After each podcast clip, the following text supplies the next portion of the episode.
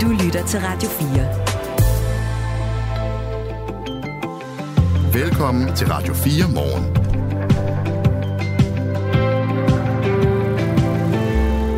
Det er torsdag morgen. Det er den 7. december, og det betyder, at øh, ikke alene er vi i gang med den, øh, hvad skal man sige, den kristne julemåned. Det er også i dag, at markering af den jødiske højtid Hanukkah begynder.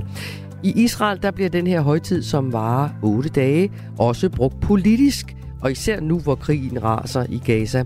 Det skal vi høre mere om, og det skal vi fra vores, øh, jeg skulle til at sige vores, vi bruger ham jo rigtig meget, han er rigtig meget ofte med, også denne morgen, Mellemøst-korrespondent Allan Sørensen, vi taler mere om lidt. Og han er fra Christian Dagblad. Det er nemlig det i er, virkeligheden. I virkeligheden. Vi låner ham lidt en gang imellem. Det gør vi. Vi skal også høre om en hemmeligholdt video med belastende materiale om en folketingspolitiker og en kameramand, der angiveligt er blevet købt til tavshed. Det lyder måske som uh, plottet til en Netflix-film, at det er faktisk en sag, der lige nu bliver undersøgt af Socialstyrelsen. Og hvad handler det så om? Det fortæller vi mere om om cirka 10 minutter. Det er også i dag, vi skal tale om, hvorvidt det må bliver hvid jul, Michael Robach. Ja, hvad tænker du? Skal vi otse? Jamen, skal vi ikke tale med Peter Tanne først? Okay. Og så, og så bagefter. Vil du gerne have en hvid jul med det? Altså, det, jeg synes, det er dejligt. Ja, det er hyggeligt. Men vi er jo vant til, at det ikke er det, så det går nok en dag. Ja. Men vi taler med Peter Tanef om den her hvide jul. Det gør vi om uh, cirka et kvarter 20 minutter. Fordi vi skal jo finde ud af, om vi skal finde kælken frem til juleaften. Din værter her til morgen, det er Mette Vibe Utzon og Michael Robach. Godmorgen. Godmorgen.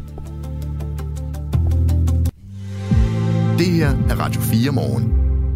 Ja, som sagt, så er det i dag, at den 8 dage lange markering af den jødiske højtid Hanukkah fejres. Øh, og, og, og det betyder, at hvad er det, som man fejrer? Man fejrer et lysmirakel i templet i Jerusalem for mere end 2000 år siden. Og det gør man så blandt andet ved at tænde et ja, lys. i studiet. Henrik Møring. Nå, der ja, kom vi... Henrik Møring lige ind og sagde pænt for igen. Ja, øhm, det er vores nyhedsvært, som vi lige lytter lidt til her. Men den her øh, jødiske højtid Hanukkah fejrer man blandt andet ved at tænde et lys hver dag. Man giver gaver, og man spiser nogle bestemte traditionelle retter. Hanukkah er i midlertid også en politik. Det er også en højtid, som bliver kædet sammen meget ofte med noget politisk, og jo ikke mindst i år, hvor Israel er dybt involveret i en krig inde i Gaza. Godmorgen, Allen Sørensen. Godmorgen. Nu fik jeg lige gjort dig til vores egen. Du er mellemøstkorrespondent for Kristelig Dagblad, men vi bruger dig så meget, så vi føler, at vi har lidt, vi har lidt ejerskab til dig også. Øh, det er dejligt, du også vil være med i dag. Fortæl, Jamen, det er helt i orden. Det er godt. Fortæl en gang, Allan, du, jo, øh, øh, du har israelsk familie øh, og israelsk gift, kan man sige. Hvad, hvad er det, som, som, øh, som mange israelere håber på? Jeg ved, at du, du siger, at de håber i virkeligheden på et, et Hanukkah-mirakel lige nu, som skal hjælpe dem i krigen. Hvad er det for et mirakel, som nogen går og håber på i år? Det er rigtigt nok. Øh, det, der, det, der tales om rigtig meget i den her øh, ombæring, og Hanukkah starter i aften, øh, hvor det første lys skal tændes, det er jo selvfølgelig, at, at Israel... Øh, øh, kommer til at se et mirakel øh, den her gang også, altså 2000 efter det, det første historiske mirakel.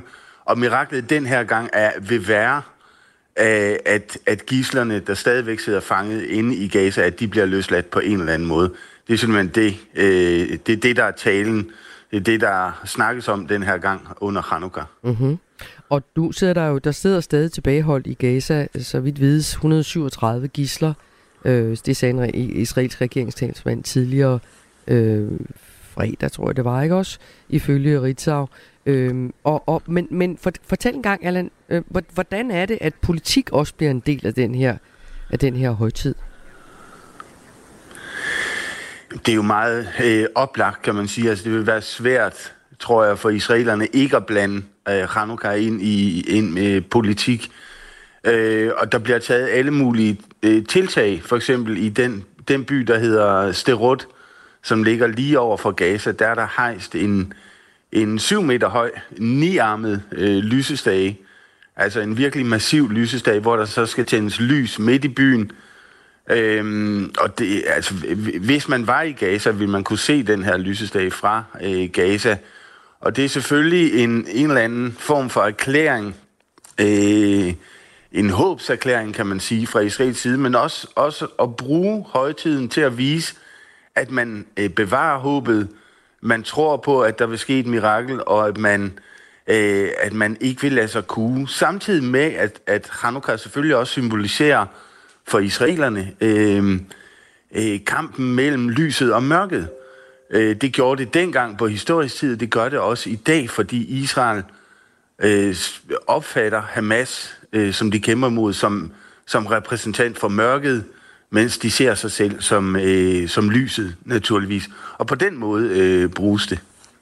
Og vi, vi talte øh, i går med, øh, med øh, Sisse Ben Moshe, hun er israeler, bor i Israel, øh, og hun mener ikke, at den her politiske kobling til Hanukkah giver særlig meget mening. Lad os lige prøve at høre, hvad hun siger her.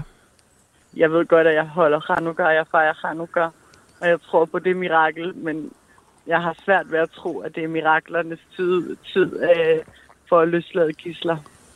Desværre ser vi alt for meget, øh, alt for meget krig, og jeg tror ikke, jeg tror ikke et mirakel kan, kan gøre det.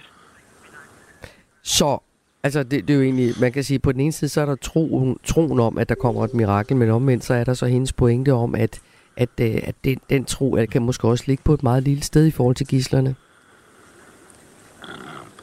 Det tror jeg også, men det, det er selvfølgelig noget, øh, man læner sig op af i en svær tid, og det, det er der mange israelere, der gør. Det er også mange israelere, der ikke gør, og, og de fejrer bare højtiden, som, om, som, som de altid vil fejre højtiden. Men det er som om, der den her gang bliver øh, sat ekstra fokus på, på trangen til at bevare håbet. Øh, øh, håbet om, at, at der vil ske et eller andet. Hvis ikke et mirakel, altså i, i ordets bogstaveligste for, øh, betydning, så, så i hvert fald en, øh, altså en udvikling, hvor Israel kommer ud af den her situation, hvor gisserne kommer ud af Gaza, hvor krigen bliver afsluttet, hvor de her mørkets kræfter, som israelerne kalder dem, hvor de bliver øh, besejret. Og der er også, altså der er en ekstra øh, øh, ting, der sker i dag i Jerusalem for eksempel, men den, den er begrænset. Der er nogen, der har taget øh, initiativ til en, øh, til en demonstration, eller en, en slags parade, hvor de vil bevæge sig, altså de vil gå ned igennem det muslimske kvarter i den gamle bydel for at markere det, der dengang, altså for 2000 år siden, var makabærernes sejr over øh, øh, det græske styre, og hvor Israel, eller makabærerne, øh, vandt, øh, øh, vandt templet tilbage. De vil nu i dag bruge, øh, gøre det, øh, altså gå ned gennem den gamle bydel i den anledning. Øh, og det er lige pludselig noget, der også skaber øh, spændinger, altså politiske spændinger i, spændinger i Jerusalem, og gør det øh, farligt. Og derfor har de israelske politistyrker, de har begrænset den her demonstration til 200 øh, mennesker, altså ikke flere. Men hvem er det så, Allan Sørensen, som, som, vil, som vil gå i demonstration ned igennem det muslim? Det lyder jo også som noget, der virkelig kan blive opfattet som en provokation, øh, set i lyset af det, der sker i Gaza. Helt klart, og det, det er nogle af de mere øh, radikale øh, elementer på den israelske bosætterfløj, øh, der har taget initiativ til det. Og for dem at se, at det er jo øh, det er selvfølgelig en mulighed for at, at, at, at bruge Hanukkah til øh, altså virkelig spænde Hanukkah for, der, for deres egen politiske vogn. Og, og det gør de. Men der går de israelske myndigheder så ind og siger, okay, det kan I godt, men I kan gøre det i begrænset omfang. Mm. Er der, altså i forgårs der meldte sundhedsmyndighederne i Gaza, at der over 15.800 palæstinenser herunder omkring 6.000 børn er blevet dræbt under den her øh, øh, nu også med landtropper ind i Gaza, bombardementer osv., som har varet i 60 dage. Det er jo noget, som, som i går talte WHO øh, om det her med, at vi, er, vi nærmer os et af de mørkeste stunder i menneskehedens historie osv. Der er jo, der er jo, øh, det er forbundet med rigtig meget redsel, alt det, der foregår, og mange øh, stemmer rundt omkring i verden er jo også meget kritiske over for det, der sker. Gælder det også israelerne selv? Altså nogen, der siger, det er problematisk at koble det her, den her, den her øh, Hanukkah til krigen, altså det her med at sætte det op som lys mod mørke, fordi der jo, kan man hæve det af mørke på begge sider?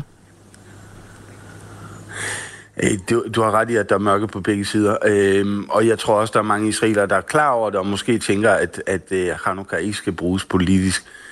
Men samtidig så er det ikke rigtig stemmer, der trænger igennem, fordi det israelske samfund også i, i, i, altså i høj grad de israelske medier er så øh, motiveret, øh, altså stiller sig bag øh, myndighederne, havde jeg nær sagt, øh, altså retter ind og, og er øh, meget ukritiske over for det, der sker i, på den anden side, altså inde i selve Gaza. Der bliver fortalt øh, noget om det, men ikke særlig meget. Og, og det, der jo øh, altså måske er den største tragedie i den her krig, er jo, at, at de to forskellige sider ikke rigtig øh, dækker hinanden, og ikke rigtig har lyst til at dække hinanden. Forstået på den måde, at israelerne ikke rigtig øh, får at vide på, på daglig niveau, hvad der egentlig sker inde i Gaza. De kender tallene, men de ser ikke de billeder, I ser i, i Danmark. De hører ikke de øh, beretninger, som, som, øh, som vi hører i, i Danmark. Og det er naturligvis med til at styrke den sådan lidt enøjet øh, fortælling om, at øh, nu kan man bevare håbet, det er stadig, stadigvæk lys mod mørke, og så videre, og så videre. Men, men vil det sige, Allan, det er jo interessant, det du fortæller her, fordi vil det, gælder det alle medier? Eller, fordi der har jo også traditionelt været, været regeringskritiske medier i, øh, i Israel, men er alle ligesom nu med, støtter op om den her øh, fælles linje, og ikke viser billeder, eller ikke fortæller, hvad der i virkeligheden foregår? Øhm, bredt set, ja. Altså, der, det er rigtigt nok, der er forskel på de forskellige israelske medier. Øh, Haaretz, øh, Dagbladet Haaretz går, går som regel en, en, øh, en lille smule længere end de andre medier, og gør sig umage for også at tage den palæstinensiske side med. Men de er nu blevet truet med at, at, at blive lukket af kommunikationsministeren, simpelthen på grund af det, altså at de, at de tager et andet øh, standpunkt i, i krigen og er mere kritiske. Så det er svært i dag at, at være et kritisk israel, israelsk medie.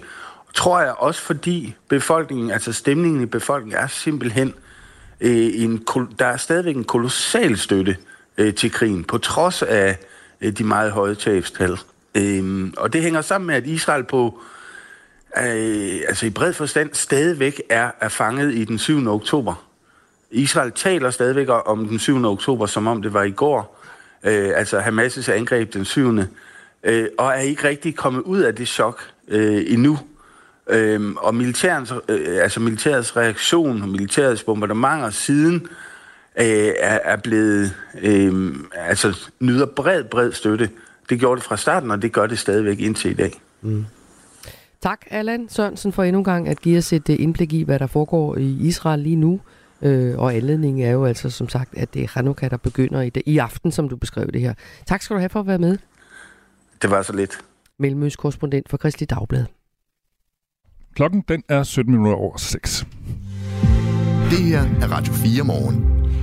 En sag om en hemmeligholdt video med det, der angiveligt er belastende optagelser af et folketingsmedlem er havnet på Socialstyrelsens spor.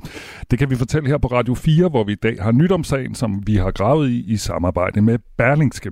Moderaternes Nana Godfredsen, der er udsatte ordfører i Lars Løkke Rasmussens parti, er en af grundlæggerne af den retshjælpsorganisation, der hedder Gadejuristen, og hun har vundet priser for sit arbejde med hjemløse, prostituerede og stofmisbrugere i København.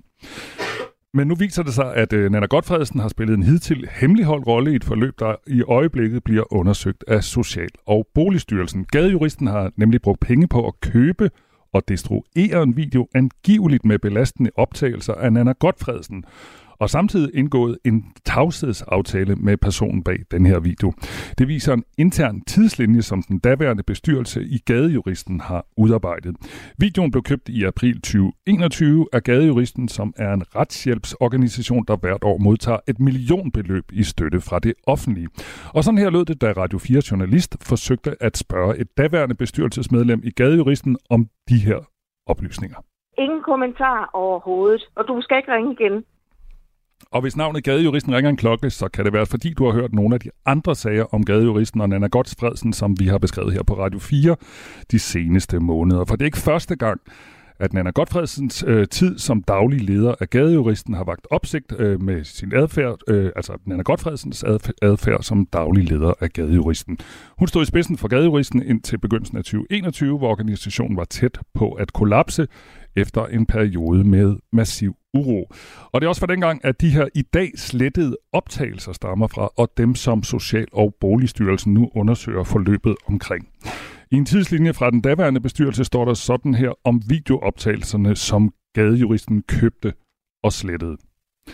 Medarbejder, Medarbejderne kalder optagelserne for belastende i forhold til Nana Godfredsen, antager bestyrelsen. Formålet med indkøbet og opbevaring af videoen forbliver uklart, men da persondataloven ikke er overholdt, slettes optagelsen, står der i tidslinjen, som Gadejuristens bestyrelse i 2021 sendte til Socialstyrelsen. Og inden at den her video blev slettet, indgik gadejuristens medarbejdere en tavshedsaftale med personen bag videoen, der fik penge for at aflevere videoen til gadejuristen og til gengæld lovede aldrig at fortælle andre om den.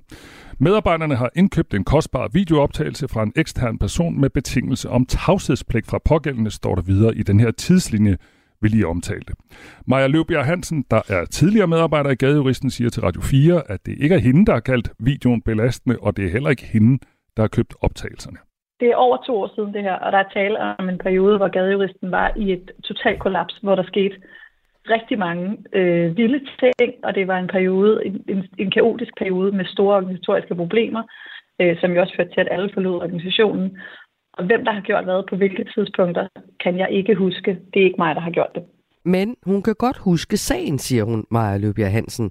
Hvad videoen nøjagtigt viser, det er stadig uvist. De videoer, de findes ikke længere. Der er ikke nogen, der har set dem i over to år. Jeg skal ikke være sandhedsvidende på, hvad der er på dem, fordi jeg er simpelthen ikke sikker på, at jeg ville kunne huske det rigtigt. Det er meget lang tid siden, og det er sket i en meget kaotisk periode, så det kommer jeg ikke til at gå nærmere ind i. Og Maja Løbjerg Hansen mener, at det er bestyrelsen i Gadejuristen, der skal forklare sig i sagen. Hvis man vil vide, hvorfor de var belastende, så synes jeg, at man skal tale med den bestyrelse. Jeg skal ikke stå til ansvar for, hvad en tidligere bestyrelse, som jeg har taget et aktivt fravalg om ikke at arbejde for, har sagt i en redegørelse til en styrelse. Og forløbet omkring de nu slettede optagelser har ikke tidligere været beskrevet offentligt og bliver som nævnt i øjeblikket undersøgt af Social- og Boligstyrelsen. Det viser et mødereferat fra den 7. november, og styrelsen har krævet en redegørelse om sagen af gadejuristen. Styrelsen har bedt gadejuristen svare på, og nu citerer jeg, om der er anvendt tilskudsmidler til købet, citat slut, af den i dag slettede video. Radio 4 har over flere dage forsøgt at få en kommentar fra gadejuristens bestyrelse. De er ikke vendt tilbage med svar inden deadline. Heller ikke Nana Godfredsen har svaret på Radio 4's henvendelser.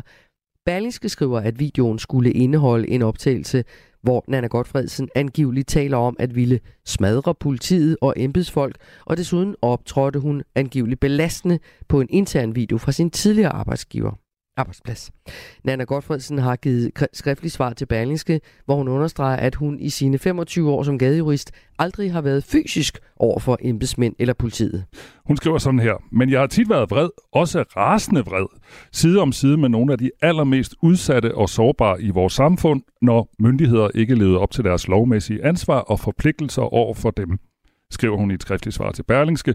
Hun skriver også til avisen, at hun blev mere frustreret under coronaepidemien, da væresteder, herberger og behandlingstilbud lukkede helt eller delvist ned, særligt da det ramte gadefolket. Der skriver hun sådan her. Om jeg skulle hisse mig op i den forbindelse, skal jeg ikke kunne udelukke, men det har været min mission og mit lod i 25 år at hjælpe dem, som ingen andre vil hjælpe. Og så er man en gang mellem nødt til at være meget insisterende, skriver hun altså til Berlingske. Og Nana Godfredsen kalder det samtidig vildt, at hun skal forholdes diverse anonyme og udokumenterede påstande fra 2021, ligesom hun forklarer, at hun ikke er bekendt med det nærmere indhold af den video, der i dag altså er slettet. Moderaterne siger i et skriftligt svar, at partiet kan og vil ikke forholde sig til udokumenterede og anonyme påstande, som i øvrigt tidsmæssigt henhører til en periode, hvor Nata Godfredsen ifølge det oplyste havde overlov fra gadejuristen og heller ikke var valgt for Moderaterne. Senere på morgenen taler vi med Radio 4 journalist Tobias Hansen Bøtger, som har kigget på den her sag, og det er omkring klokken halv otte. Og lige nu der er klokken 6.23. Det her er Radio 4 morgen. De seneste par uger, der har det meste af landet været smukt, hvidt og sneklædt, og det giver forhåbninger om en hvid jul, hvis man ellers drømmer om den slags. Og lige nu, der er chancen for en landsdækkende hvid jul på omkring 50 procent, i hvert fald ifølge TV2-været, der hvert år laver et hvidjulsbarometer. Godmorgen, Peter Tanef. Godmorgen. Redaktionschef på TV2-været. Først og fremmest, hvordan har I fundet frem til sådan cirka 50 procent chance for hvid jul? Ja, man kan sige, at de 50% chance, de bygger på et, øh, et værvarsel, som der, der var i går øh, på Sankt Nikolajs dag den, den 6. december. Øhm, og øh, det bygger på, at vejret på den dag, det er, det, det er sådan, vejret vil være hen over øh, juletid. Øhm, og det er nok en af de, de få gange, hvor vi, vi bruger vejrvarsler. Det, det gør vi en gang imellem i, i starten af, hvad skal man sige, øh, december, når vi sætter øh, hvidhjulsbarometeret. Øhm, og, og ud fra den betragtning, og ud fra, at øh, det, det faktisk har ligget, øh, ligget højt i, i starten af, af, af december på grund af, af sne og, og frost osv., og, så videre, og dog alligevel også med, øh, i, øh, med i, i betragtningerne, at der er udsigt til mildere vejr her i, i weekenden, jamen så røg det op på, øh, på 50 øh, procent øh, på, en, øh, på en juleglad dag på redaktionen. Jeg skal lige forstå det rigtigt, Peter, fordi I er jo sådan nogle rigtige videnskabsfolk, og så har I kigget på et el-gammelt vejrvarsel.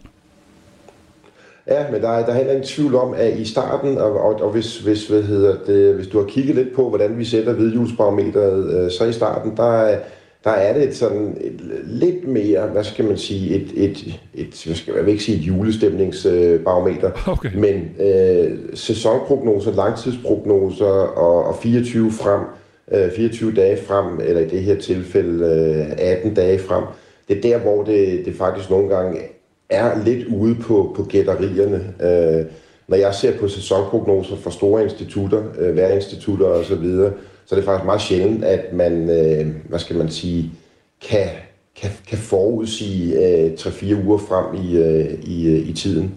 Øh, så, så det var på baggrund af, af det, vi satte det til, til 50 procent. Mm. For at få en landsdækkende hvid jul, så skal der om eftermiddagen juleaftensdag ligge mindst en halv centimeter sne i 90 procent af landet, og siden 2013 så har vi haft to lokale hvide jule, hvis det hedder sådan. I 2022 var vi meget tæt på en landsdækkende hvid jul, da et større snevejr lille juleaften gav et snedække i omkring 80% af landet øh, juleaften. Og der har været 12 landsdækkende hvide juleaftener siden 1876. Lige nu taler vi øh, med Peter Tanef, der er redaktionschef på øh, TV2 hver Mm, 12 siden 1876. Tror du ikke, du skal skrue lidt ned for hvidhjulsbarometeret, Peter? Jo, men det kan da godt være, at øh, som jeg også, som jeg også sagde, at, øh, at der gik lidt, øh, lidt julehumør i den i, i forhold til, at det var bygget på et, øh, et værvarsel. Jeg er da også ret sikker på, at når vi i, i dag øh, kan kigge sådan frem til omkring den 22. 23. på de sådan øh, som du selv var inde på, videnskabelige øh, værmodeller, øh, så kan jeg da godt forestille mig, at der blev, der blev skruet lidt ned. Øh, men jeg er også stensikker på, at når vi snakker den 24. december, så med udgangspunkt i det, vi satte den på i går og på i, i dag, så skal vi jo nok få ret alligevel. Ja, det tror jeg også, hvis I har sagt 50 procent så skal I sgu nok få ret. Betyder det noget, Peter, vi har haft sådan en, en kold periode nu, og der også har været masser af sne, og vi har også lige fået en sms fra en i Helsinge, der siger, at det er altså sner i Helsinge i dag. Altså betyder det noget, at, at vi har fået den her sne nu, eller er det helt ligegyldigt om øh, 14 dage? Nej, det, jeg vil sige, det, det betyder noget i det omfang, at man kan sige, at... Øh, Altså, udover at vi har fået sne, så betyder det jo noget, at kulden ligger tæt på. Altså det der med, at den, øh, den, den, den ligger over øh, Skandinavien, har ligget der i, øh, i stort set hele november, og det ser også ud som om, at kulden den bliver, den bliver liggende, øh, selvom vi kan få det mildere. Det har jo kæmpe betydning, fordi det betyder, at, øh, at der skal mindre til, at, øh, at et lavtryk kommer forbi en vindretning er korrekt, og det så kan begynde at, at sne. Når vi har nogle af de situationer, hvor at vi enten hvor vi står lige nu, eller hvis vi kigger to uger frem, vi bare kan se, jamen altså, helt op til, til bunden af den botniske bugt, der er der plusgrader og sydvesten vind og regnvejr. Øh, så er det bare meget, meget, meget sværere at, at se, hvor skulle kulden komme fra, hvor skulle sneen komme fra. Så det er helt klart, det betyder noget om, om vinteren og kulden er tæt på Danmark, eller hen over Danmark, øh, som den er lige øh, i de her dage her. Hvornår tør du egentlig, altså hvor tæt skal I være på jul, før I sådan siger, nu er hvidhjulsbarometeret et helt sikkert barometer? Altså hvornår er det egentlig, I tør at sige, vi får ikke øh, hvid jul, eller vi får hvid jul? Altså hvor tæt på tør man som meteorolog og udtale sig med sikkerhed? Jeg så sige, hvad hedder det, øh, jeg kan huske en jul, det er, ah, det er måske 10 år siden, hvor er vi den 22. Uh, nu sætter vi det aldrig på 100%, fordi så, så er der nemlig far for, for at det kan gå galt. I men, men, men den 22. december, jeg, tror, jeg tror, vi var oppe på 90% eller sådan noget, der skulle komme et lavtryk ned fra nordvest. Uh, og det lavtryk, det tager så faktisk lige en bane, der er 50 km, eller skal sige, i den forkerte retning, så en stor del af landet, i stedet for at få en masse hvid julesne, så blev det en masse tung øh, og våd julesne, som de fleste steder var væk den 24. Så selv to dage før, øh, der, der, der gik det galt. Okay. Jeg har så også oplevet situationer, hvor vi to dage før øh, havde det sat rimelig øh, lavt, og så øh, går det i den anden retning. Så, som, som man kan sige, øh, det korte svar, det er jo sådan set, at øh, op til halvandet døgn, to døgn før juleaften, kan vi nogle gange både være sindssygt heldige eller mega uheldige. Øh, så vi tør aldrig at, at nærme os 100 procent. Øh, jeg vil så sige, at vi har faktisk i få tilfælde dagen før sat det på 100 procent for grøn jul. For grøn jul. Tak fordi du var med her, Peter. Det var så lidt, og god morgen. Ja, og glædelig jul. Tak i lige måde. Klokken er halv syv. Nu er der nyheder på Radio 4. Socialstyrelsen undersøger nu en sag om en belastende video med Moderaternes Nana Godfredsen. En video, der skulle have indeholdt belastende optagelser af folketingsmedlemmet, er blevet købt og destrueret af politikernes retshjælpsorganisation Gadejuristen, der hvert år modtager et millionbeløb i støtte fra det offentlige. Forløbet omkring de nu slettede optagelser bliver i øjeblikket undersøgt af Socialstyrelsen. Det viser et mødereferat fra den 7. november, som Radio 4 og Berlinske har fået agtindsigt i. Styrelsen har bedt gadejuristen svare på, om der er anvendt tilskudsmidler til købet af den i dag slettede video. De slettede optagelser stammer fra Nana Godfredsens tid som daglig leder af gadejuristen. Medarbejderne har indkøbt en kostbar videooptagelse fra en ekstern person – med betingelse om tavshedspligt fra pågældende står der i en tidslinje, som den daværende bestyrelse udarbejdede i 2021. Det er uvist, hvad videoen indeholdt, men i tidslinjen fremgår det, at der angiveligt var tale om belastende optagelser med Nana Godfredsen. Formålet med indkøbet og opbevaringen af videoen forbliver uklart, men da persondataloven ikke er overholdt, slettes optagelsen, skriver bestyrelsen i tidslinjen. En række tidligere medarbejdere beskyldte i et brev til bestyrelsen i 2021 Nana Godfredsen for at love gadefolk, at gadejuristen nok skulle smadre politiet og smadre kommunen. Hverken gadejuristens bestyrelse eller Nana Godfredsen har svaret på Radio 4's henvendelser om sagen. Over for Berlinske understreger hun dog, at hun i sine 25 år som gadejurist aldrig har været fysisk over for embedsmænd eller politiet. SF er gået sammen med regeringen om en undersøgelse af både FE-sagen og den såkaldte Samsam-sag, og selvom en undersøgelse kan virke opmuntrende for Ahmed Samsam og hans advokat Erbil Kaya, så er aftalen deprimerende læsning, siger advokaten. I bund og grund virkede som en form for hold kæft for alle de øh, kræfter og journalister osv., og videre, som, som gerne vil have øh, kendskærningerne og sandheden frem i, i Samsam-sagen.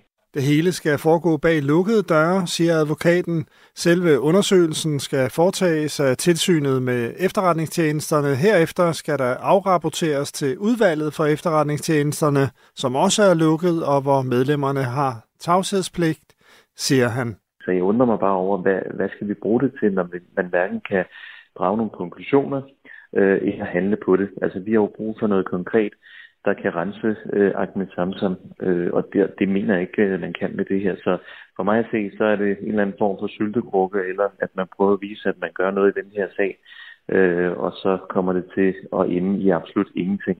Ahmed Samsam blev i 2018 idømt 8 års fængsel for terror i Spanien. Han hævder dog selv, at han har arbejdet som agent for danske efterretningstjenester. Senatet i USA har nedstemt hjælp til Israel og Ukraine, en hastelov, der skulle sende milliarder af dollar i amerikansk støtte til Ukraine og Israel, er blevet stemt ned i senatet. Det er republikanerne i senatet, der har blokeret for loven, fordi de vil have strengere kontrol med grænsen til Mexico, inden de stemmer for. Det udgør en trussel mod USA's præsident Joe Bidens planer om at sende ny hjælp afsted til de to lande inden udgangen af i år – selv hvis Bidens plan bliver stemt gennem i senatet, skal det også godkendes i repræsentanternes hus, hvor republikanerne har flertal. Råvær med stedvis tåge og lidt regn, slud eller sne hister her temperaturer omkring frysepunktet. Det her er Radio 4 morgen. Husk, at du kan sende os en sms på 1424. Her til formiddag, der skal den britiske finansmand Sanjay, Sanjay Shah i grundlovsforhør, efter han i går landede i Danmark. Shah er tiltalt for at have bedraget den danske statskasse for omkring 9 milliarder kroner. John Hansen er gravejournalist på Politiken. Godmorgen. Godmorgen. Du har været med til at afdække sagen om Sanjay Shah, og nu kommer vi til at høre om den her sag. Endnu mere, end vi har gjort før øh, i den kommende tid, så du skal lige hjælpe os med at blive lidt klogere på sagen, så vi bedre kan forstå den. Allerførst, Sanjay Shah er 52 år, han er brite, og så er han altså sigtet i den her gigantiske svindelsag. Hvad ved vi egentlig ellers om ham? Vi ved, at øh, han er af indisk afstamning. Hans øh, øh far var læge og øh, øh flyttede fra, sammen med Sanjay Shahs mor, flyttede fra Afrika, hvor deres forældre var udvandret til, til, øh, til London. Og så har han øh, sprunget lidt rundt i uddannelsessystemet, uden rigtig at kunne beslutte sig for, hvad han skulle. Og så landede han med og en slags revisoruddannelse, fik ansættelse i nogle banker, og så fik han der øh, igennem, et, øh, igennem det job, de jobs der, der fik han så kendskab til øh, noget, man kalder udbyttearbitrage, som er at handle med aktier og spekulere i forskellen på aktiepriser før og efter, der er udbetalt udbytte. Mm. Og det udviklede sig så til det, han nu er tiltalt for, nemlig at han har, har svindlet med at, at kræve øh, tilbagebetaling af udbytteskat, som han aldrig har betalt hævder man i anklageskriftet. Nu er det jo en kæmpe sag. Jeg tror godt, jeg tør at sige, at det er den største svindelsag nogensinde i Danmarks historie. Er han tidligere straffet, eller har han ligesom har han en kriminel øh, fortid, eller på anden vis noget, der peger ind i, at det skulle ende her, altså med at være anklaget i en kæmpe svindelsag? Nej, altså, altså man kan sige, han, altså, han er anklaget, altså han er også under anklage i Tyskland i det samme øh, kompleks, mm. altså, som også var, handlede om udbytteskat, men, men, men ellers ikke. Altså ellers har han haft sådan en, en, en hvad der ligner en nogenlunde normal karriere i, i finansverdenen. Mm. Det var dig på politikken, og det er en række andre europæiske medier, som i første omgang kunne fortælle om, hvordan Sanjay Shah angiveligt tømte de her statskasser, ikke bare den danske, men også, øh, som du nævnte, øh, øh, også sager andre steder. Hvordan kom I i første omgang på sporet af Sanjay Shah, altså jeg i pressen? Altså, det var, det var faktisk DR, der var de første, der satte navn og ansigt på, øh, på Sanjay Shah øh, tilbage i november 2015, øh, efter at altså, sagen var blevet meldt til bagmandspolitiet, og der var gået en efterforskning i gang, så, så, så var det DR, som, som øh, identificerede, at det var den her engelske Sandier Shah, som, øh, som, som til synligheden ifølge de danske myndigheder var, var, var hovedmanden bag den her øh, sag. Sanjay Shah er øh, øh, er, er en del af det, som du også sagde, øh, John, er en del af den såkaldte udbytteskandale, og den formodede svindel er startet i øh, 2012 og stod på indtil skat opdagede det i august 2015, og her lukkede de for tilbagebetalingerne af udbytteskat til udenlandske aktionærer. Og ifølge skat så er svindelen sket ved, at øh, bagmænd med Sanchez Shah som hovedmand fra udlandet har indsendt ansøgninger til skat, hvor de har hævdet, at eje aktier i danske selskaber som Mærsk, Danske Bank, Carlsberg og Novo Nordisk. Og de angiveligt forfalskede ansøgninger har de brugt til at få refunderet den skat, de påstod at have betalt for aktiegevinster, de havde opnået gennem de her danske selskaber. Men hele konstruktionen er altså ifølge skat et falsum. Vi taler lige nu med John Hansen, som er gravjournalist øh, for politikken, og vi taler om øh, Sanjay Shahs sag, og jo også fordi, at der er grundlovsforhør i dag, og vi nu formentlig senere i dag kommer til at høre rigtig meget om den senere, øh, eller de kommende uger og måneder kommer til at høre øh, meget mere til den her sag. Øh, John, vil du prøve med dine egne ord at forklare, hvad er det for en slags øh, svindel, som Sanjay Shah angiveligt har, har stået bag? Jamen, altså, når man øh, får udbytte øh, på sin aktie i Danmark, så skal man betale 27 procent i udbytteskat. Og hvis man så bor i et land, hvor, hvor Danmark har sådan en dobbeltbeskatningsaftale, som siger, at, øh, at, man, at udbytteskat, den betaler man hjemme hos sig selv. Det, det er der jo aftale, vi for eksempel har med USA så kan man få den skat, man har betalt i Danmark, den kan man få tilbage øh, fra, fra skat. Øh, 100% tilbagebetalt. Og, øh, og, og det, som, som, som myndighederne siger, at Char har gjort, det er, at han har lavet et system, hvor han simpelthen bare har altså, altså simpelthen bare har lavet som om, han har skabt øh, et indtryk af, at, at, øh, at der var handlet nogle aktier, øh, som øh, der var blevet udbetalt udbytte og betalt udbytteskat på, Øh, og så har han bare udfyldt de nødvendige papirer for at søge at få dem tilbage fra skat i Danmark. Øh, men der var ikke nogen aktier, der var ikke nogen penge bag det der øh, system. Det var, det var en ren, øh, altså sådan en cirkulær computermanøvre, mm. hvor man bare handlede med sig selv øh, med aktier, der ikke fandtes. Og det vil sige, at, at så kunne man jo sådan set, øh, øh, så kunne man sådan set opfinde så mange aktier, man ville, og, og, og, øh, og, og så søge øh, udbytteskat tilbage på dem. Mm. Øh, og, det, og det var ifølge øh, tiltalen, så var det det, der skete. Øh, og, man, og man kunne se, det begyndte i det små, og så tog det voldsomt fart. Altså det, i, i første halvdel af, af 2015, der, der blev udbetalt over halvdelen af de 12,7 milliarder, det handler om. Mm. Han siger jo selv, at han ikke har gjort noget ulovligt. Altså han nægter sig ja. skyldig, og han siger, at han bare har udnyttet et hul i lovgivningen. Kan ja. han have ret i det egentlig? Øh, det tvivler jeg på, men, men det må vi jo se, når, han, når retssagen nu begynder. Men jeg, altså, de få, øh, der har haft adgang til at, at interviewe Sanjay Shah, hvor han har fortalt det her, og jeg er ikke en af dem, der har haft den mulighed desværre, øh, de, har, de har forsømt at spørge ham om, hvor det hul er øh, i den danske lovgivning. Fordi jeg, jeg har arbejdet med den her sag i otte år. Jeg har spurgt alle de skatteeksperter, jeg har kunnet finde, om de kunne se, hvor hullet er, og mm. ingen af dem øh, mener, at det hul findes. Men nu blev det jo nærmest fejret, at han kom hjem i går, men peger pilen fingrene ikke også lidt indad? Altså, kunne det her ikke lade sig gøre, fordi de, øh, også, også fordi de danske myndigheder ikke havde styr på det her? Jo, i, i allerhøjeste grad. Altså, altså der, Altså det, her kunne, altså det her blev forsøgt i andre lande, og der blev det meget, meget hurtigt stoppet. Altså i Norge for eksempel, der stoppede man det meget hurtigt og opdagede, hvad der skete. I Belgien stoppede man det, og, øh, fordi man opdagede, hvad der skete. Mm. I Danmark, øh, altså det er i høj grad selvforskyldt det her, fordi vi overhovedet ikke i Danmark kontrollerede øh, dem, der søgte udbytteskat tilbagebetalt. Hvis papirerne var rigtig udfyldt, så blev pengene sendt. Så vi har også selv lavet en kæmpe brøler, eller samfundet, eller skat? Ja, det er der ingen tvivl om. Når man i går øh, så politikere og andre øh, ja, sådan næsten øh, fejre, at han nu var kommet til landet, så, så, så tænker jeg lidt, hmm, ta- folk taler som om, at han allerede er skyldig. Hvor god en sag har anklagemyndigheden? Jeg tror, at de har en vældig god sag. Øh, men, men, men altså, jeg vil da give dig ret i, at, altså, at at, at, at Sanjay Shah har igennem de her otte år, øh, der er gået, siden vi, øh, vi fik hans navn at vide første gang, altså der har han jo ligesom været ikonet på øh, den her sag. Øh, og, og, og derfor øh, tror jeg da, at der er mange, der har den opfattelse, at på forhånd, at han er skyldig. Øh, og det er jo også sådan, at hans, øh, hans forsvar er, er jo også meget i tvivl om, om han kan få en retfærdig rettergang i Danmark. Ja, hans forsvar, Kåre Pilman, var ude at sige i går blandt andet, at øh, ja, han var bekymret for retssikkerheden for hans klient, fordi at øh, når alle politikere og alle mulige andre var ude sådan nærmest at tale, som om han var skyldig, så kunne det være et øh, retssikkerhedsmæssigt problem. Øh, John Hansen, der er jo blevet svindlet, svindlet for i alt om øh, øh, 12,7 milliarder kroner. Hvad er sandsynligheden for, at vi ser de penge igen i det danske samfund? Altså, jeg tror ikke, der er ikke, der er ikke nogen, jeg hører ikke nogen, der tror på, at vi får dem alle sammen tilbage. De mest optimistiske, det, det er nok Skatteministeriet, som siger, at øh, de, de, de vurderer, at vi i bedste fald kan få mellem 8,5 og 9,5 milliarder kroner tilbage. Øh, øh, der, er, der er beslaglagt eller indefrosset et sted mellem 3,5 og 4 milliarder kroner. Det vil sige, det er dem, man ligesom har kunne finde, som var udbyttet af det her.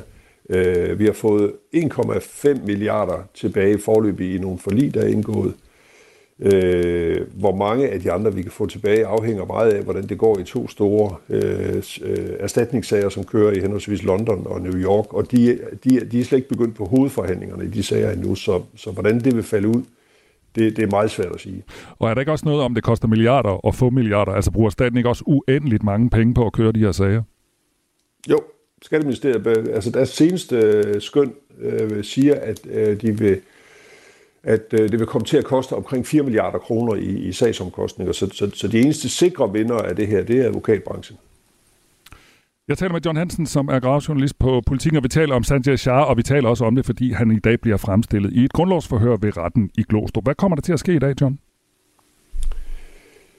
Ja, men det er jeg også lidt spændt på, fordi øh, altså, om man altså, altså formålet er jo at få, få, øh, at få Sandy Shah fremstillet og få øh, retten til at godkende, at han bliver fængslet, indtil sagen øh, er afsluttet. Ikke? Mm. Øh, og det kan man jo vælge at gøre forholdsvis kort, eller man kan vælge at øh, man kan vælge at afhøre Sandy Shah sådan øh, lidt mere omfattende. Øh, og, og jeg ved simpelthen ikke, om man vil gøre det ene eller det andet. Øh, så, så, så, så det bliver, men under alle omstændigheder bliver det jo spændende for første gang for Søren i otte år, hvor vi har hørt om den her mand, og ligesom se ham og høre hans egen stemme, hvad han selv siger øh, til det, der nu skal ske. Har du, øh, så, så, har, du en forventning, har du en forventning om, at dørene bliver åbne? Altså sådan, øh, journalister og andre kan følge med? Det forventer jeg, at de bliver, ja. fordi, fordi øh, der, er jo, der er jo allerede nogen, øh, der har været i grundlovsforhør, altså der kører sagen mod, mod en anden brite, der hedder Günther Klar, og, og, og, og de har også haft ham, der er tiltalt sammen med Sanjay Shah, øh, Anthony Mark Patterson, har også været i grundlovsforhør, og det har været for åbne døre, så jeg ser ikke nogen grund til at, at lukke dørene i Shah-sagen. Men uh, nu må vi se. Det bliver spændende og interessant. Det gør det. Tak fordi du var med her, John Hansen, og gør os og vores lyttere klogere på øh, den her sag. Selv tak. Klokken den er 6.44. Det her er Radio 4 morgen. I dag er det to måneder siden, at den militante islamistiske bevægelse Hamas indledte et angreb på Israel, hvor hundredvis af civile blev dræbt, og gisler, hvoraf nogen stadig sidder tilbageholdt i Gaza, blev taget. Kort tid efter begyndte bumpninger og regulær bykrig mod palæstinenserne, som indtil videre har kostet mange tusinde, især kvinder og børn, livet i Gaza. Aktuelt også med kampvogne sat ind i det sydlige Gaza. WHO kaldte det i går for en situation, som nærmer sig et af menneskehedens mørkeste stunder stunder, og der bliver demonstreret over det, øh, over det, der sker i Gaza over hele verden, også i Danmark. De sidste uger har der blandt andet været historier om elever, der vil have deres lærer til at vælge sider i konflikten, men også om elever, som ikke føler, at de kan få lov at vise deres sorg og vrede over alle de mange civile ofre i Gaza. Om jødiske skolebørn, som ikke tør fortælle, at de er jødiske. Og når man tænker over det her, så kommer man automatisk også til at tænke over, da Rusland angreb Ukraine, i hvert fald mange gør, og begyndte krigen i Europa, for der væltede det ind over landet med sympati, ofte udtrykt i rigtig mange ukrainske flag. Rigtig mange af dem hænger der jo faktisk stadig rundt omkring i Danmark. Kan man så se det samme ske i krigen mod Gaza, et øget salg af henholdsvis israelske og palæstinensiske flag i Danmark? Det har vi spurgt om, og fra Dals Flagfabrik lyder det, at de har solgt 277 israelske flag i alt, og 366 palæstinensiske flag de seneste to måneder. Fra festtema.dk, som også sælger flag, er der solgt 192 palæstinensiske flag, men de har været i restordre i store perioder på grund af stor efterspørgsel i hele Europa, og så har de også solgt 70 israelske flag. Flere flagforhandlere har ikke ønsket at tale med os, at kommentere deres salg af henholdsvis israelske og palæstinensiske flag. En har til baggrund sagt, at når man ikke har lyst til det, så skyldes det, at man ikke vil forbindes med at tage en særlig side i den her konflikt. Så selvom tallene, som vi har fundet frem til, er relativt små at uddrage noget som helst fra, så siger de måske alligevel et eller andet om debatten omkring det, der sker. Nemlig, at det er en langt sværere konflikt at tage klar stilling til end krigen i Ukraine. Det er der i hvert fald nogen, der mener. Og nu kan vi spørge dig, om det er sådan, det forholder sig, Tina Wilken Christensen. Godmorgen. Godmorgen. Antropolog og forsker ved Danmarks Institut for Pædagogik og Uddannelse. Du var i gang med at svare allerede, kan jeg høre. Nej, ja, det var jeg sådan set, men øh, jeg tror, at øh, Israel-Palæstina er langt, langt mere komplekst at tage stilling til, end Ukraine og Rusland er. Både fordi vi har hørt meget mere om det gennem rigtig mange år. Øh, der er en 70-årig konflikt, altså, som vi har fuldt løbende. Der har været rigtig mange krige, og der har været angreb på begge sider, hvor det ikke har været krig, men altså terrorangreb så har der været rigtig meget uretfærdighed, som vi har hørt om igennem tiderne, og som er følt uretfærdigt for mange mennesker. Og så har vi statsborgere i Danmark, som er direkte involveret, at øh, de har familie, de har pårørende, og som selvfølgelig derigennem får en meget tydelig position om at forståelse af, hvad der foregår. Og så er det også kombineret med, at der er nogle medier, der kører, altså hvor du kan følge livestreaming, om, hvad der foregår. Der er private optagelser, som øh, cirkulerer på nettet, og oven i alt det har vi fake news. Og vi kan også sige, at vi har en regering, som har taget meget utvetydig stilling til, hvad de mener, der foregår med en udtalt støtte til den ene side. Så jeg tror, at hele det scenario, det skaber, altså der er mange spillere involveret, der er meget historie, der er mange forskellige måder at forstå det her på, og der er mange, der har en mening. Så det her med, at øh, man kan se det ukrainske flag veje i på rådhuse og rundt omkring på offentlige institutioner osv. osv. Og, og, og i villahaver og på Facebook og alle mulige sider. Det, den, den, den entydige opbakning til Ukraine, den er langt sværere, er det det, du siger, den er langt sværere at give til henholdsvis øh, den israelske side eller den palæstinensiske side, fordi det er forbundet med, med større konflikt, eller hvordan? Nej, altså hvis vi ser på Ukraine, så har vi Zelensky, som jo også har formået at lave et pressearbejde, som har gjort, at øh, der er kæmpe stor opbakning, og han føles meget sådan personligt rettet mod den, han taler til. Øh, som jo selvfølgelig gør, at, øh, at der fremstår en særlig måde at forstå den konflikt på, mens med Israel og Palæstina, hvis... Øh, man ser, at øh, lige dagen efter terrorangrebet i Israel, der var det jo øh, selvfølgelig dem, man følte havde lidt et stort overgreb. hvor der var jo israelske flag, der blev hængt op. Der var udtalt støtte til den ene part. Nu er vi så 15.000 døde, hvoraf 60 procent af børn og kvinder, og det, altså der helt tydeligt er civilister, øh, som er dræbt, der bliver det jo meget, meget sværere at sige, hvem, altså hvem bør man holde med, hvis man skal holde med nogen, og hvis man overhovedet kan opgøre en konflikt på den måde. Mm, præcis. Nu talte vi før om antallet af solgte flag, øh, øh, hvad hedder det, israelske og palæstinensiske. Man kan sammenligne, hvis man, det er jo ikke noget kæmpestort datagrundlag, men, men hvis man... Nej, det må man sige. Nej, men når vi alligevel gør forsøg, så er det selvfølgelig, fordi det er et flag, der, det, er et, det er et meget sådan fysisk udtryk for øh, en eller anden form for, for støtte, eller sympati, eller sorg med, eller hvad man nu skal kalde det. Og til sammenligning så solgte Dals Flagfabrik sidste år øh, 3.743 ukrainske flag mellem 24. februar, hvor krigen brød ud, og to måneder frem. Og hos øh, firmaet Stilling Flag, der mærkede man også øh, ty- øh, tydeligt, at offentlige institutioner flagede med det ukrainske flag, og private også fik tilladelse til at flage med noget andet end Dannebro. Det siger direktør Julia Stilling, øh, hvor man til gengæld stort set ikke har solgt israelske eller palæstinensiske flag, fortæller hun her. Vi blev nærmest øh, bestormet, kan man sige, da det blev besluttet, at man fra øh, offentlige bygninger, statsbygninger, skulle flage med det ukrainske flag. Der øh, blev der jo også åbnet op for, at man som privatpersoner eller som virksomhed kunne øh, vise sin støtte til Ukraine øh, på den måde. Og det kunne vi mærke. Der så vi rigtig mange ukrainske flag. Faktisk på et niveau, hvor vi løb tør for den rigtige gule og den rigtige blå farve i stof. Så, øh, så der, øh, der var det noget helt andet. Ja, flere fagforhandlere har jo, som jeg også sagde i starten, nævnt, at de har ikke lyst til at kommentere deres salg af henholdsvis israelske og palæstinensiske flag. En har til baggrund sagt, at det skyldes, at man ikke vil forbindes med en særlig side i konflikten. Og det er jo en helt anden situation, end det har været med ukrainske flag. Altså kan du fra et antropologisk øh, standpunkt forklare, hvorfor der er øh, den her forskel, og kan man bruge det til noget i forhold til, hvor, hvor anspændt situationen er i Dan også i Danmark? Nej, men altså, det bliver en uoverskuelig konflikt for mange mennesker. Den, der er personligt berørt, den, der har fulgt med i Israel-Palæstina-konflikten igennem mange år måske, har jo en altså, tydeligere forståelse af, og derigennem også et meget tydeligt synspunkt på, hvad der foregår. Men for den almindelige dansker, der måske hverken har familie eller på anden måde er knyttet til den region, der bliver det jo et, altså en lang historie og, og, at forbinde sig til eller forsøge at forstå. Og så tror jeg også, at øh, lige meget hvilket flag du vælger, så har du potentiale for at få en hel her på nakken for mm. Facebook eller andre mm. øh, sociale medier.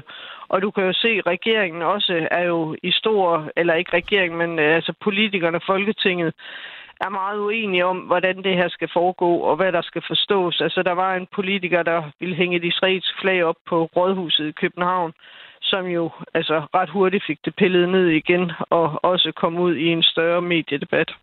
Ja, det gjorde han blandt andet, fordi han hang det op i vinduet ud mod rådspladsen, kan Jamen, man sige. det er det. Ja, jo, jo, men ja. altså et flag giver jo kun mening, hvis andre kan se det. Ja, det er rigtigt. Så, så, så flagsymbolikken er simpelthen meget, meget massiv. Tak skal du have, uh, Tina Wilken Christensen, for at være med os.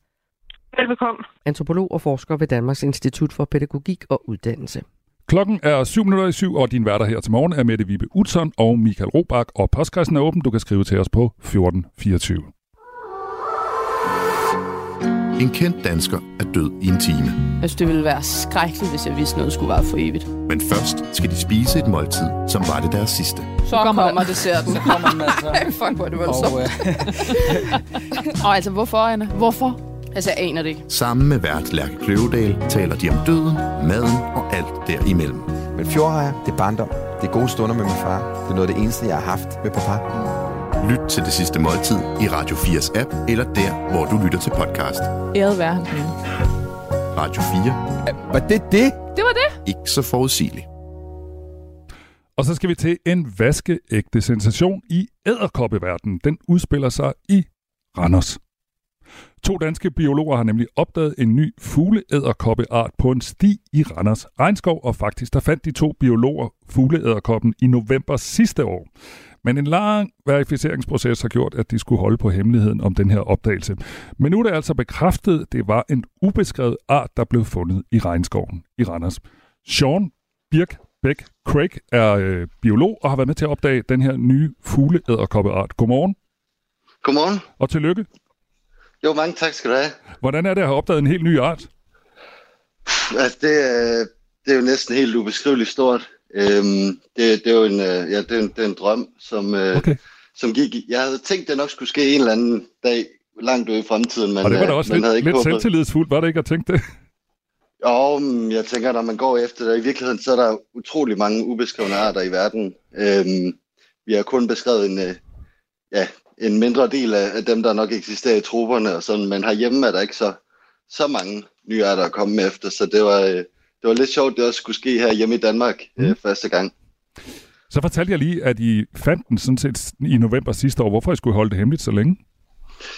Jo, men det, er- det er egentlig fordi, altså først skulle vi lige finde ud af, hvad det var, så fandt vi ud af, at øh, det var så Jørgen Listner, som, øh, som jeg fandt den sammen med, der, øh, der er æderkoppeeksperten. Øh, han, øh, han fik så undersøgt, hvad der var for en art, og fandt ud af, at den ikke var beskrevet, og, og så skulle vi i gang med at beskrive den, og ligesom publicere den i videnskabelige øh, øh, tidsskrift, øh, for ligesom at give den et navn, og, og det tager bare lang tid, og der, øh, der mens hele det øh, ligesom står på, så har vi bare valgt ikke at, ikke at gå alt for officielt med det, fordi det er lidt, det, det besværliggør lidt hele processen med at øh, publicere det og give det et navn og, og sådan nogle ting. Så, øh, så det, var, det var derfor, at, at vi ligesom har gået og ikke, øh, ikke har holdt det helt øh, off, hvad hedder det, officielt. Mm. Øhm, men, det, men man har da lyst til, haft lyst til at, at gå og ja, og blære det sig. fra hustagene. Ja, lige præcis. Jeg har også bladret mig over for øh, nærbekendte. Okay. Men John, jeg, jeg prøver at se for mig, hvordan man opdager en æderkopart i Randers Regnskov. Altså, hvordan, hvordan, hvordan op, pludselig kommer der en æderkop gående. Hey, den har jeg ikke set før. Eller, jeg, jeg prøver, eller sad, sad du ned imellem alle de andre æderkopper? Eller hvordan, hvordan foregår sådan noget? Nå, men så, øh, så faktisk, altså når, øh, når man laver sådan et væksthus med en masse planter og en masse jord, sådan, så importerer man det jo et sted fra, øh, og der, der er der mulighed for, at der kommer nogle dyr med, og det betyder, at der i sådan nogle væksthus ofte er et øh, lille øh, økosystem af, af en blanding af tropiske arter fra, fra flere steder i verden. Øhm, og, øh, og der havde Jørgen Listner og jeg fået lov til at, øh, at undersøge øh, æderkopfauna og leddyrsfaunaen generelt i Randers Regnskov, og, øh, og han har også været over i Den Blå Planet, og, øh, og tak til dem for at lade os øh, øh, kigge efter dyr øh, hos dem, og, og så har vi egentlig bare kigget igennem nogle, noget sådan blade, der ligger på jorden, og under sten, og under øh, stykker træ, der har ligget, og rystet lidt øh, af de her tørre blade, og rystet nogle planter, og let efter dyr på den måde, og, og så er det egentlig bare under blade, øh, der ligger ved siden af stierne, når man går. Øh, der kravler de rundt på, på jordbunden, og man kan også finde dem under sten og, og sådan. Øhm, så, så det har simpelthen bare været, at vi aktivt har gået og let efter leddyr, øhm, insekter, æderkopper og sådan. Og så, øh, og så var der en æderkop, hvor at, øh, i første omgang, så, øh, så havde vi troet, at det egentlig var noget andet end, end nogle unge individer af en anden æderkop, der allerede øh, findes i, i Europa, og, øh, og man har set den spredt op i, øh, igennem øh, Europa, op i Tyskland og, og England i, øh, i forbindelse med, med, hvor vi ligesom har bygninger og sådan noget. Øh, og, og der har vi tænkt, det var en, en ung en af dem, men, øh, men så fandt vi så i november sidste år i Randers Regnskov øh, den første voksne han, som så kun var de her 3,5 mm lang, øh, og den anden æderkop er altså væsentligt større, når den er voksen, cirka ja, op til 2 cm, tror jeg. Øh, så, så, så der var altså tydeligvis tale om noget helt nyt, og, øh, og det var så derfra, at, det, at vi skulle finde ud af, hvad det var. Og, Fandt, øh, og fandt, er en også, stor fandt I også en hund, så den har nogen at parre sig med, så der kan komme flere? Jamen, der, der er både øh, hunder og hanner deroppe, og Okay. unge individer. Øhm, jeg var oppe med min, min kæreste her i, i efteråret, lige hurtigt kigge under et enkelt, enkelt blad, og der var også en, øh, et ungt individ, så de er der stadig, og det var meget dejligt, fordi det jo indtil videre, den, vi tror jo formentlig, at den er blevet importeret fra Costa Rica, øh, men den nærmeste slægtning er så fra Ecuador, øhm, så hvor den lige kommer fra, det, øh, det, øh, det, det skal undersøges videre ud i Okay. fremtiden nok, men øhm, men indtil videre, der er den jo kun kendt, fra hele verden er den jo kun kendt fra den blå planet i øh, København, og så Randers Regnskov i, ja, i Randers. Mm. Øhm, så det er de eneste steder i verden, at den her art, den indtil videre er kendt fra. Vi, ta- vi taler med uh, Sean Birkbeck Craig, som altså har været med til at opfinde, uh, opf- opfinde skulle jeg til at sige, det er lige knap nok, opdage en ny uh, fugleæderkoppeart. Når man hører om en uh, fugleæderkop, uh, Sean, vi har ikke ret god tid, øh, men du skal altså have det her spørgsmål, så tænker man, den er nok farlig, er den det? Nej, det er den ikke. Øh, det, det, hvis man er i sådan nogle millimeter store springhaler eller andet, der kravler rundt i førnelaget, så kan den godt være lidt farlig, men for mennesker, der, der gør sådan, det er jo kun mellem 3 og 5 mm øh, lang, så det, det, det, den er ikke farlig overhovedet. Man kan sagtens besøge Randers Regnskov og gå og nyde og være derinde, øhm, og den blå planet også, uden at, at skulle frygte for at sige ved og vel. Altså, på, man ikke træder på den. Er, nej, ja, ja. Den er ret lille. Den er ret lille, ja. den er meget lille. Tak fordi du var med, Sean Birk Beck Craig. Ja, selvfølgelig. Og øh, den her øh, æderkop, den skal altså hedde Masteria Bogildi, efter den danske æderkop-ekspert, der hedder Ole Bøgil. Han døde i 2022. Nu klokken syv. Du har lyttet til en podcast fra Radio 4. Find flere episoder i vores app, eller der, hvor du lytter til podcast. Radio 4. Ikke så forudsigeligt.